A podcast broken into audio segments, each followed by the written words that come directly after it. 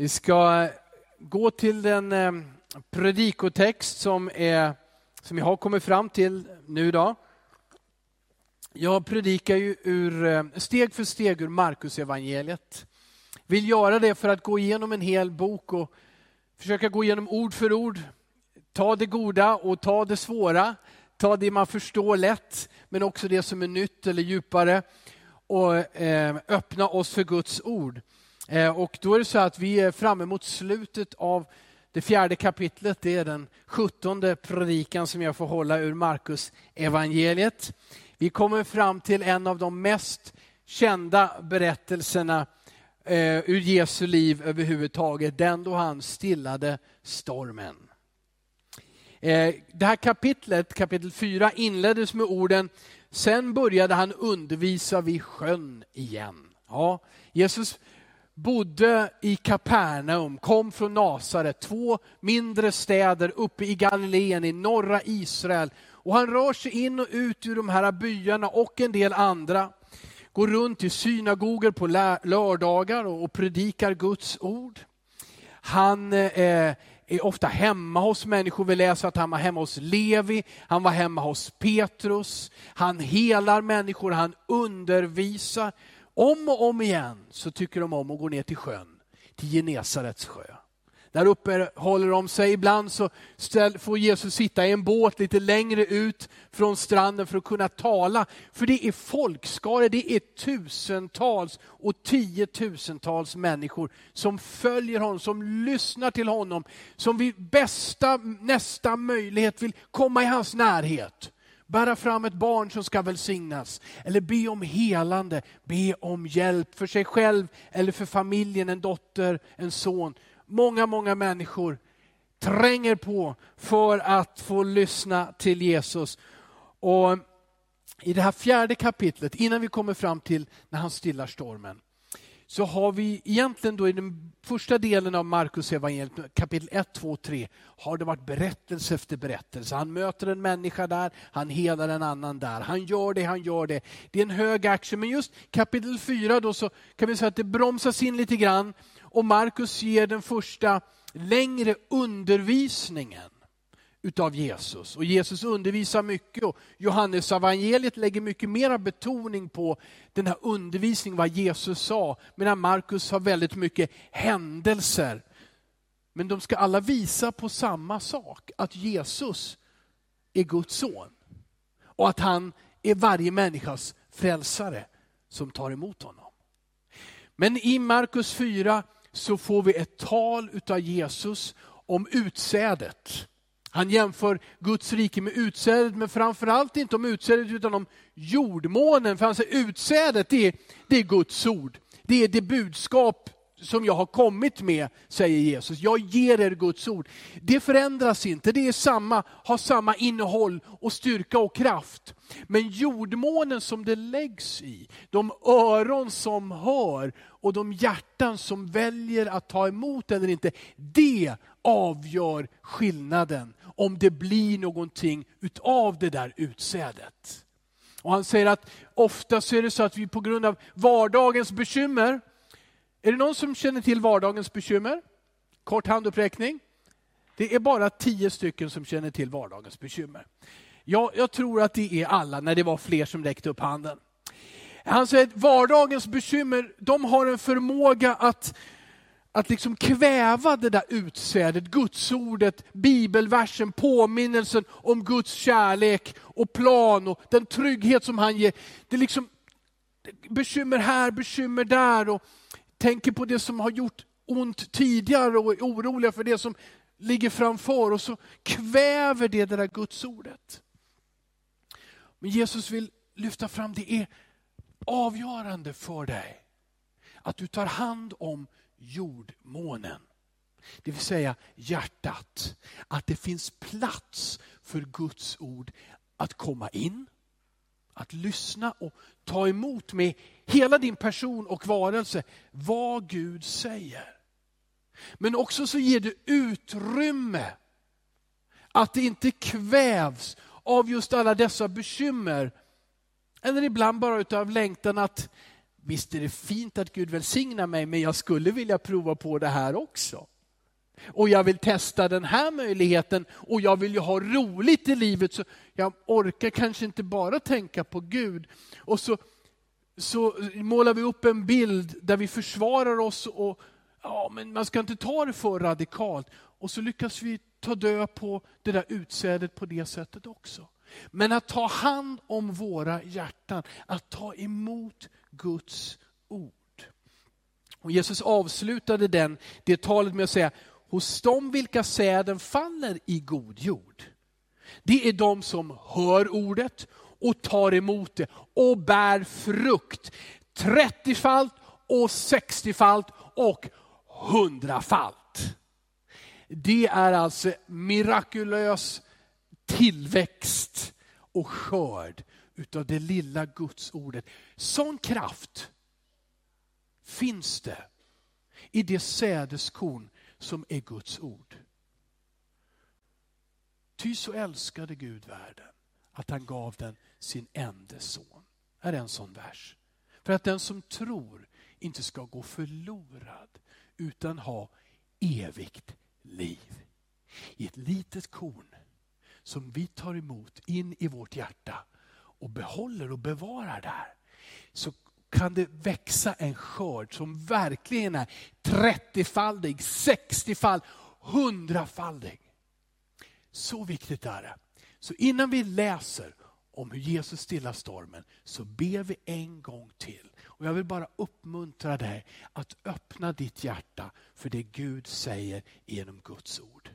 Fader i himlen, vi längtar efter din välsignelse över våra liv och denna värld. Vi längtar efter samhällen i Sverige och i andra länder som ser de svaga som bär de som inte orkar. Herre, vi längtar, Herre Jesus Kristus, efter att få bära din frid i våra hjärtan, oavsett vad som händer runt omkring.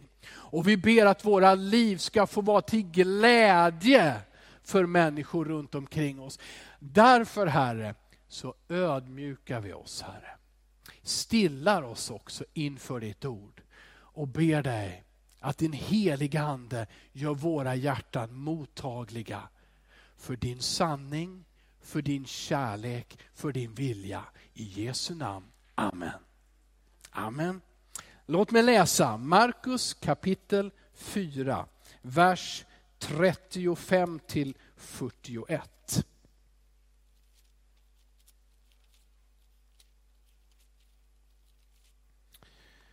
Är ni beredda? Ja.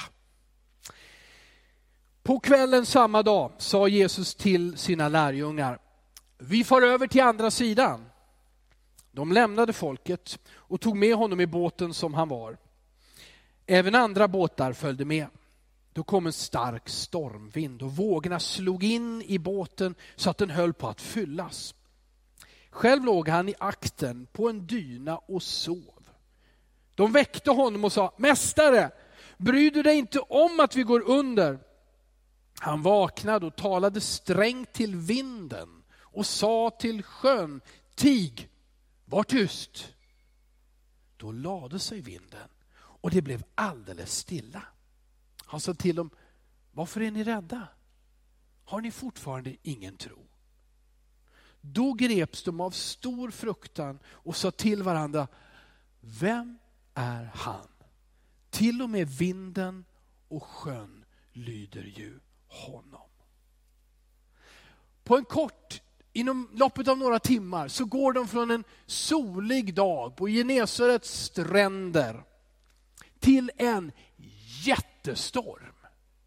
Och sen till en stiltje som inte ens har efterdyningar. Vad hände? Vad var det? Det hade varit så bra den dagen. De hade lyssnat till Jesus undervisa. Det var bra ända fram tills han på kvällen plötsligt sa, vi åker över till andra sidan. Och ute på sjön, när de är på väg för att Jesus har sagt vi ska åka över till andra sidan, så drabbas de av den värsta stormen. De är utlämnade till naturens obarmhärtiga krafter och fruktade för sina liv. Vi tar en liten sån undersökning. Är det någon som har varit i en sån väder, en sån situation där du har varit rädd för vädret eller jordbävningar? Är det några som har upplevt något? Ja, det är, det är faktiskt flera stycken där också. Det är verkligen obarmhärtigt och det är så överväldigande stort. Och det här hamnar de i. Nu, jag gick in på nätet som man gör och hittade, det finns en lista som heter, eller det finns en hemsida som heter lista.se. Och där finns det världens häftigaste naturfenomen som garanterat kommer att fånga din uppmärksamhet. Det är nio stycken här som de ger. Du har någonting som heter eldregnbågar. Gå in och titta på bilder. Sen har du total solförmörkelse, eller hur? Då går ju nästan man ur huset. Det vill man ju vara med om. Superceller, ja det är en sån här jätteotäck storm. Den har vi aldrig sett hoppas jag. Men vattentromber har man sett i södra Sverige här i augusti. I alla fall två stycken läste jag om i tidningen. En tropisk cyklon, jo du, den tar din uppmärksamhet, eller hur? Norrsken, vem tycker om norrsken? Jajamän, ibland kommer det ända ner till Sörmland, annars får man ju faktiskt ta sig uppåt också. Eldtornados, det är nog ingen som tycker om. Det finns det också, fångar säkerligen din uppmärksamhet. Istalaktiter, ja det har vi nog aldrig sett, men det är under isen och det fryser och förstör allting. Det som är, ser ut som en, en virvelvind under isen och det bara dödar allting på botten. Och så har du, och det här blev nummer nio och det allra största, vulkanblixtar. Det är, man förstår inte riktigt vad som händer, men det är någonting i magman, alltså det här, den här brinnande massan, när den kommer ut ur jorden, som får eh, eh, alltså hela klimatet att reagera. Och Det finns kort där du har en exploderande vulkan och samtidigt ovanifrån blixtar över hela skyn. Ett litet sidospår. Jag kommer att tänka på vad Jesus sa när han ska komma tillbaka.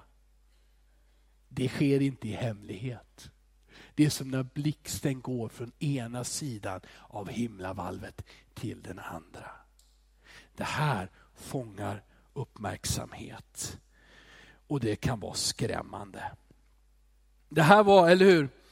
Nu är det så här att nu var det inte ett naturfenomen. Det här var en, ja det var det på sitt sätt, det här var en storm.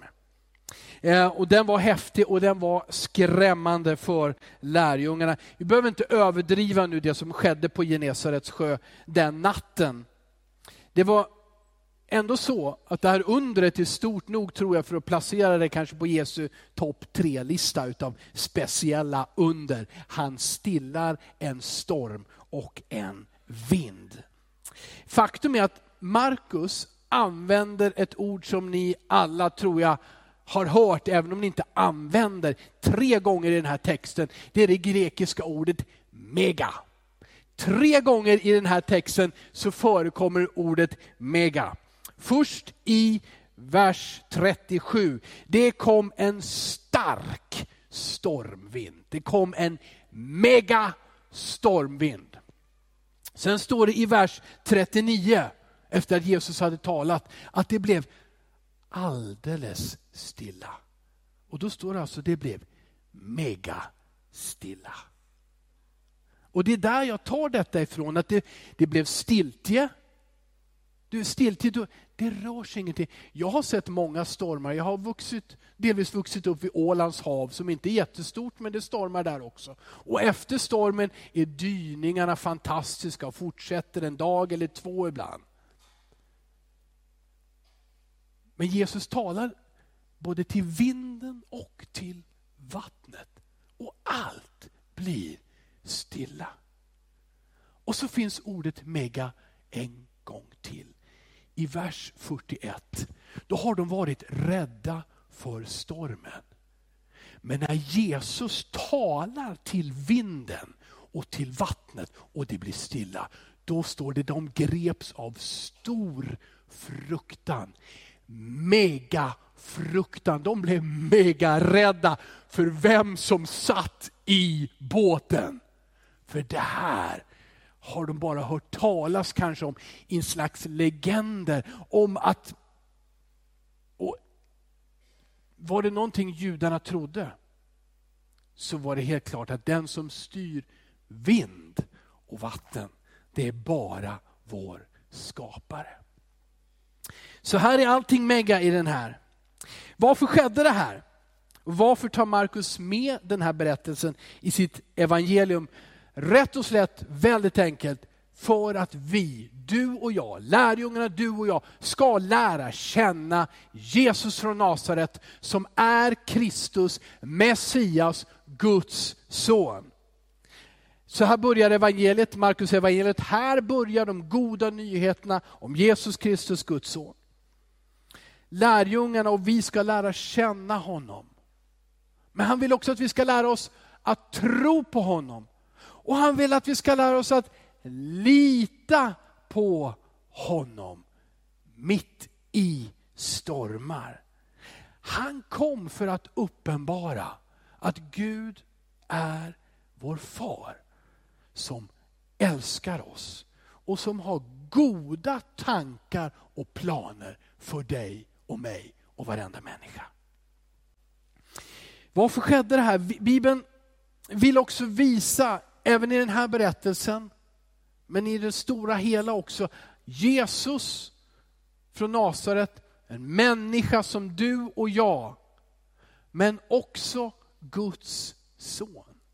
I den här berättelsen lyfts det mänskliga kanske framförallt fram att efter en dag då Jesus har stått och undervisat behöver han lite vila och ro han är så trött att han somnar i båten. Och trots att det blåser upp till storm så sover han vidare. Han är, som vi säger, dödstrött.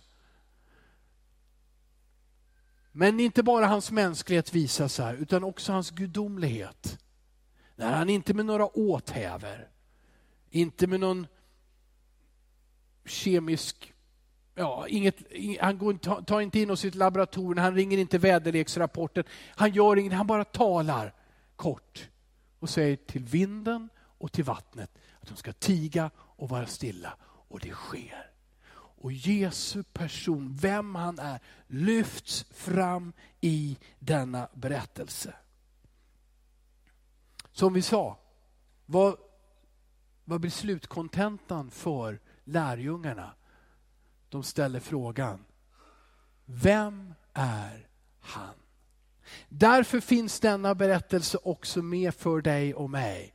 För att föra oss fram till den frågan, vem är han? Som Bibeln säger, han är människa, Jesus från Nasaret och Guds son kommen för att frälsa oss. Är det här en myt, den här berättelsen? Är det, eller är det en ögonvittnesskildring? Det är så här att man säger, och det är mycket som talar för det, att upphovsmannen, upphovspersonen till Markus evangeliet egentligen Petrus. Alltså ett ögonvittne. Om man bara tittar på några av de här detaljerna som egentligen känns oviktiga, så pekar de på att den person som berättar det här satt i den här båten och upplevde det. Det står bland annat i vers 36, det var flera andra små båtar som följde med och som också klarade stormen. Och I vers 38 så står det att han låg i akten på en dyna och sov. Och Det här är detaljer som egentligen inte har någon speciell mening annat än att de visar den här personen som berättar var själv med. Och jag tror med övertygelse att det var Petrus som upplevde det, berättade för Markus som skrev ner det. Men hörni, lära känna Jesus, det tar ofta tid. Ja, det finns beslut vi tar som är avgörande för våra liv. Men så tar det ändå ofta tid att lära känna Jesus och lära sig att lita på honom. Titta på lärjungarna. De hade sett massor. De hade sett och hört fantastiska saker. Det ena på det andra. De älskade att vara med Jesus. För när han var med, då hände det saker och det hände övernaturliga saker och han hjälpte vem som helst. Men nu så blir de jätterädda. Och kom ihåg, nu är de på, på vatten som de känner till. De har vuxit upp vid den här sjön, de har lekt som små barn vid den här sjön. De har tidigt lärt sig, flera utav dem fiskar yrket. De har varit ute på den här sjön dag och natt. De har upplevt stiltje och storm och allt som man kan uppleva på den sjön. Men de är dödsrädda trots att de känner Jesus, följer Jesus, har med honom i båten, så fruktar de för sina liv. Och livet är, med Jesus är en vandring. Ja, det börjar med ett öppet hjärta, en bekännelse. Du är Guds son, jag behöver dig. Fräls mig och var med mig. Och då vill han vara med dig. Och han vill vara med dig på soliga dagar. Men han vill också vara med dig på okänt vatten när natten är mörk och det blåser vindar som du aldrig har känt förut och du är rädd. Han är med dig och han vill att du och lärjungarna, att vi ska få lära känna honom som han verkligen är. Amen. Tillbaka till stormen. De här vindarna är alltså rätt så typiska för Genesaretsjön. Visste du om att det är den näst lägst belägna sjön på hela jorden. Den ligger 211 meter under havsytan, alltså om du tar Medelhavet och så kommer du in här en bit över land och så är det verkligen ett hål på det sättet. Fast det är rätt så stort, det är ju en Jordandalen. Va? Och där är den sjön 211 meter under havsytan. Det finns bara en sjö som är lägre det är den som är i slutet av den flod som rinner genom Israel och som heter Döda havet.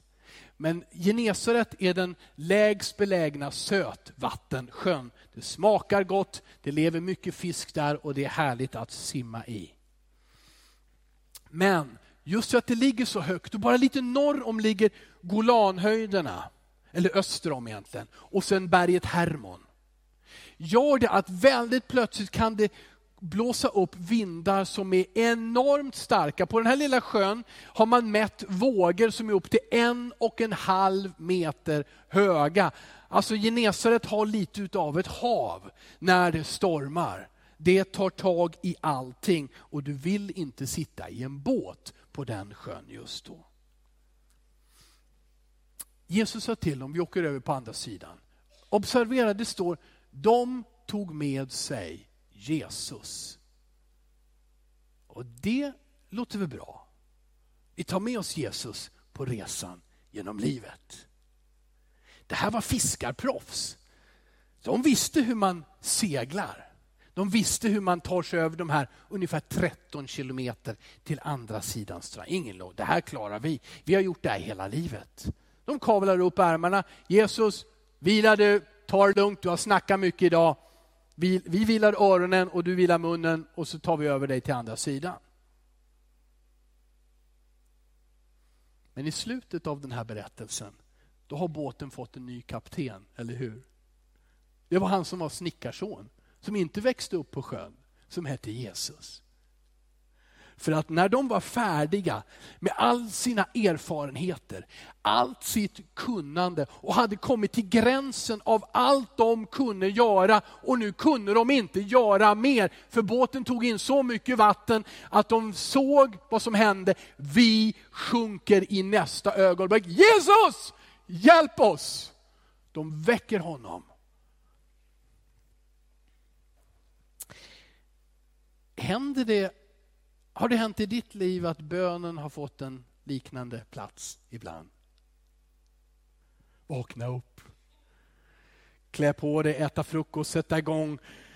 Göra det här, gå till skolan, gå till arbetet, göra det här. Bam, Och så någon gång under dagen eller på kvällen så går allting så dåligt. Jesus, var är du? Har det hänt för dig någon gång? Att bönen har liksom kommit där någonstans på slutet när allting annat inte fungerar.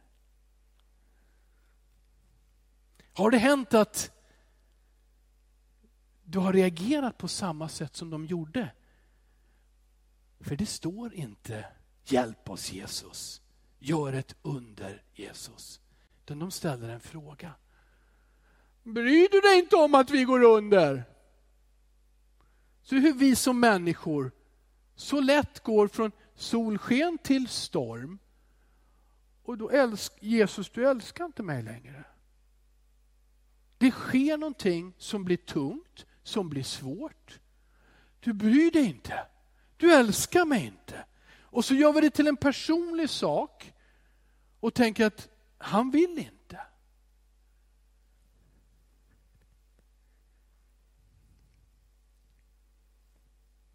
Vad var det Jesus gjorde? Bekräftade han dem och sa, ni är fina grabbar, ni är bra, det här, det blir bra. Han säger så här, varför är ni så rädda? Har ni fortfarande ingen tro? För tron är nyckeln. Tron på honom är nyckeln. När solen sken, magarna var mättade och Jesus berättade fantastiska berättelser om Guds rike och Faderns kärlek, då trodde de, jag tror på dig Jesus. Men när natten kom, när vinden blåste, båten tog in vatten så den höll på att sjunka, ja, då var de, de var inga hjältar. Det här är inte en berättelse om tolv hjältar som alltid trodde och visste och kunde. Det här är en berättelse om en som kom ifrån himlen. Som ödmjukar sig totalt. Han var lika liten som den lilla flicka som jag höll i mina händer för en liten stund sedan. Lika o, eh, vad säger man, o, eh, i, saknar förmågan att försvara sig själv, föda sig själv, ta hand om sig själv. Lika liten blev himmelens son och blev människa. Men han har kommit för att rädda oss. Och han börjar gärna i den situationen när vi är vid slutet av våra krafter och säger, jag kan inte, jag vet inte, jag orkar inte, jag ser inte hur jag ska fortsätta framåt. Men han går sen också gärna med dig tidig morgon till sen kväll. Han älskar när du börjar och avslutar dagen med honom. Hur duktig du än är i det du kan och det du brukar göra. Att gå med honom och lära känna honom.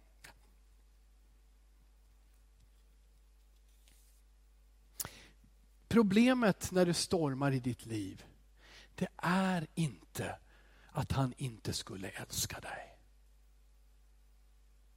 Det är inte att han inte skulle älska. Det står så här, Gud bevisar sin kärlek till oss genom att Kristus dog för oss medan vi ännu var syndare. Problemet är inte att han inte skulle bry sig om dig. Petrus skrev, kasta alla era bekymmer på honom, för han har omsorg om er. Utmaningen handlar alltid om vår tro och vår tillit till honom. Det kanske inte ens handlar om att vi ber mer. Jag vet inte om det här funkar, Herre, hjälp mig. Utan det handlar om att lita på det han har sagt och på vem han är. Då kan man till och med be korta böner, som Jesus själv. Man vet att det är så, för han är sån. Han är den han är, han är Guds son. Och han älskar dig. Och han bryr sig om dig. Och du får kasta alla dina bördor och bekymmer på honom. Amen. Så käre Jesus, jag ber för mig själv här alltså. Hjälp mig att sluta ifrågasätta. Nu ringde det. Hjälp mig att sluta ifrågasätta Guds kärlek bara för att solen går i moln. Jag vill inte göra det. Jag vill inte vara sån. Jag vill tro och be om hjälp, för det behöver jag. Och så vill jag fortsätta till andra sidan. För det var ju faktiskt han som hade sagt, låt oss fara över till andra sidan. Och han är trofast.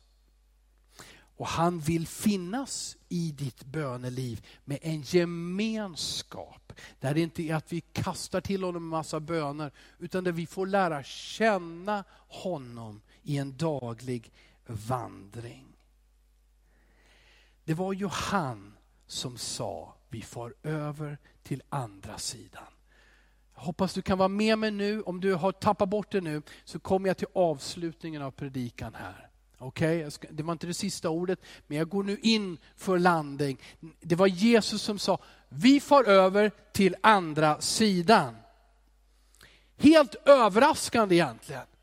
Andra sidan sjön, det var en plats dit de aldrig hade åkt, i alla fall inte gemensamt. Jesus skulle aldrig säga, tyckte de, vi åker över till andra sidan. För på den där sidan, på den västra sidan, där bodde judarna, det var Galileen, där fanns synagogorna, där fanns det judiska gudsfolket som Jesus hade ju kommit för att rädda. Vad fanns på andra sidan? Ja, det var de andra människorna, det var hedningarna, det var utlänningarnas område, de som inte tror på Gud. Och som en jude som är rättrogen så har man ju inte att göra med de som är otrogna. Alltså, vi åker inte över till den sidan och nu har Jesus undervisat en hel dag om det fantastiska Guds rike och så på kvällen får han en idé. En helt galen idé. Vi åker över till andra sidan.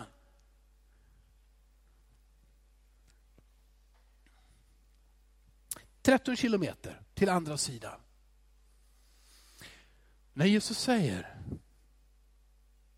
far över till andra sidan, då kanske det inte spelar någon roll att till Tunis i Tunisien är det inte 13 kilometer, det är 2937 kilometer om du väljer att ta den till fots och åka båt. Många gör ju det idag åt andra hållet. Men om Jesus säger gå dit, till andra sidan, då är det värt att gå. Fast vi har en jättefin församling här, eller hur? Vi har massa trevliga familjer och arbetsmöjligheter här i stan. Varför ska man över till andra sidan Medelhavet? Men om Jesus säger, låt oss fara över till andra sidan, du och jag, ni med mig. Till Kigali, det är vi ännu längre. Rwanda, vi hade gäster från Rwanda förra veckan. Vet du hur många kilometer det är? då? Det är 9348 kilometer. Ni är vana att prata i mil, jag vet, så det är 934 mil. Eller 35. Tänkte inte familjen Agnestrand på det på 40-talet när de och andra lämnade Sverige, efterkrigssverige. Det enda land som inte hade drabbats av andra världskriget i Europa på det där fysiska sättet med bombardemang. Här var det bra. Här, här, här när, när hela resten av Europa behövde byggas upp, så här var maskinerna igång och kunde bara pumpa på med arbete och produkter. Och Sverige byggde upp sin rikedom för att man inte hade blivit drabbad under andra världskriget när alla andra led. Varför ska man lämna ett sånt land när det är så bra. Åka till Rwanda 9000 kilometer bort. Där det på den tiden absolut inte fanns elektricitet eller någonting annat som liknar denna plats. Kanske för att, som de berättar, en eller två miljoner människor denna söndag samlas i Rwanda i kyrk, tusentals kyrkor över hela landet för att prisa Jesus. Kanske är det därför som man säger, om du säger det Jesus att vi ska över till andra sidan, då vill jag gå. Men för att plocka upp denna storm en gång till. Jesu ledning och ledarskap är lite annorlunda än vi ofta önskar det. För det kan hända det kan faktiskt hända att det första som händer när vi börjar den här båtsresan till andra sidan, det är en typ av storm som vi aldrig någonsin har upplevt. Och du ska inte tvivla en sekund på att hela helvetet vill stoppa dig från att göra det som är för Guds rike. Det som är bra för dig och andra. Jesu uttryck, tig, till stormen, till vinden, till vattnet. I samma ordalydelse som han använder när han kastar ut en ond ande ur en bunden människa. Kanske antyder det att den stormen var av demonisk natur för att stoppa Jesus och lärjungarna från att komma fram. Få dem vänd om, vänd tillbaka. Ett lägligt ögonblick, Jesus sover. Nu kan jag skrämma livet ur hans efterföljare så att de stannar och ger sig tillbaka. För vad skulle hända, och det blir ju nästa predikan, kapitel 5, vers 1. Vad skulle hända på andra sidan? De skulle möta en man. En enda människa som var bunden och plågad och destruktiv och inte kunde leva bland andra människor för att han mådde så psykiskt dåligt. Bunden som han var. Han möter Jesus, Jesus gör honom fri. Och sen står det om den mannen att han gick runt i hela Dekapolis, vilket betyder tio stycken städer, och berättade om Jesus. För en människa gick de igenom en storm som höll på att skrämma dem till döds. Men Jesus förde dem igenom och det gav ett resultat som är sannerligen 30-falt, 60-falt och 100-falt. Efter regn och storm, vad kommer då? Solsken! Underbart, underbart. Men redan i stormen så lär vi känna oss själva. Och framförallt det viktigaste, i stormen har du en möjlighet att lära känna honom. Har du intrycket av att han sover, då har du fel. Men har du det intrycket, väck honom då, då med dina böner. Ropa liv i honom, fast han sover inte. Men börja tala till honom och lyssna till honom. Låt oss stötta dem som arbetar i Tunis. Låt oss stötta dem som går över vattnet. I somras så gick vi bara 240 meter. Det tog oss inte längre än till Elimkyrkan. Men vad mötte oss där? Jag pratar om några av våra sommargudstjänster. Vänskap, kärlek, enhet med andra kristna. Idag är, är både från Kjula och Johanneberg och, och, och Fristadskyrkan kanske människor här just för att vi är med och stöttar en familj som åker långt över vattnet. Ibland är det de få stegen, ibland är det de stora stegen. I januari 2021, vi möttes den här veckan, representanter från denna församlingen och från två andra än så länge, så vill vi vara på Stiga Arena i januari under en helg. Vi vill ta ett steg till den andra sidan. Vi vill göra Jesus känd för så många vi bara kan i denna stad. Det här behöver vi göra tillsammans, men vi behöver göra det för att Jesus säger det.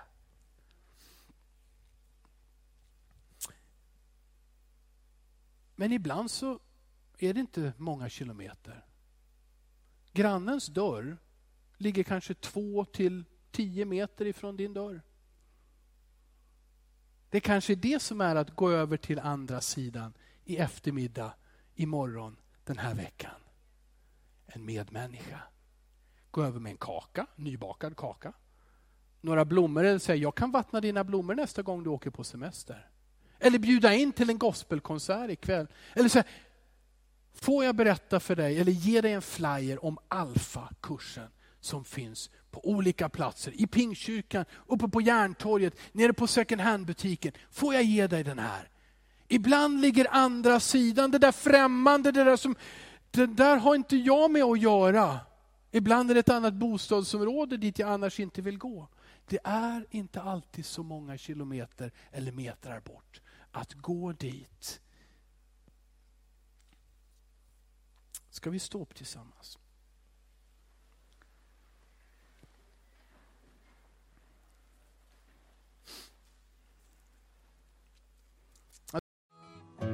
Du har lyssnat till en predikan i Pingstkyrkan i Eskilstuna.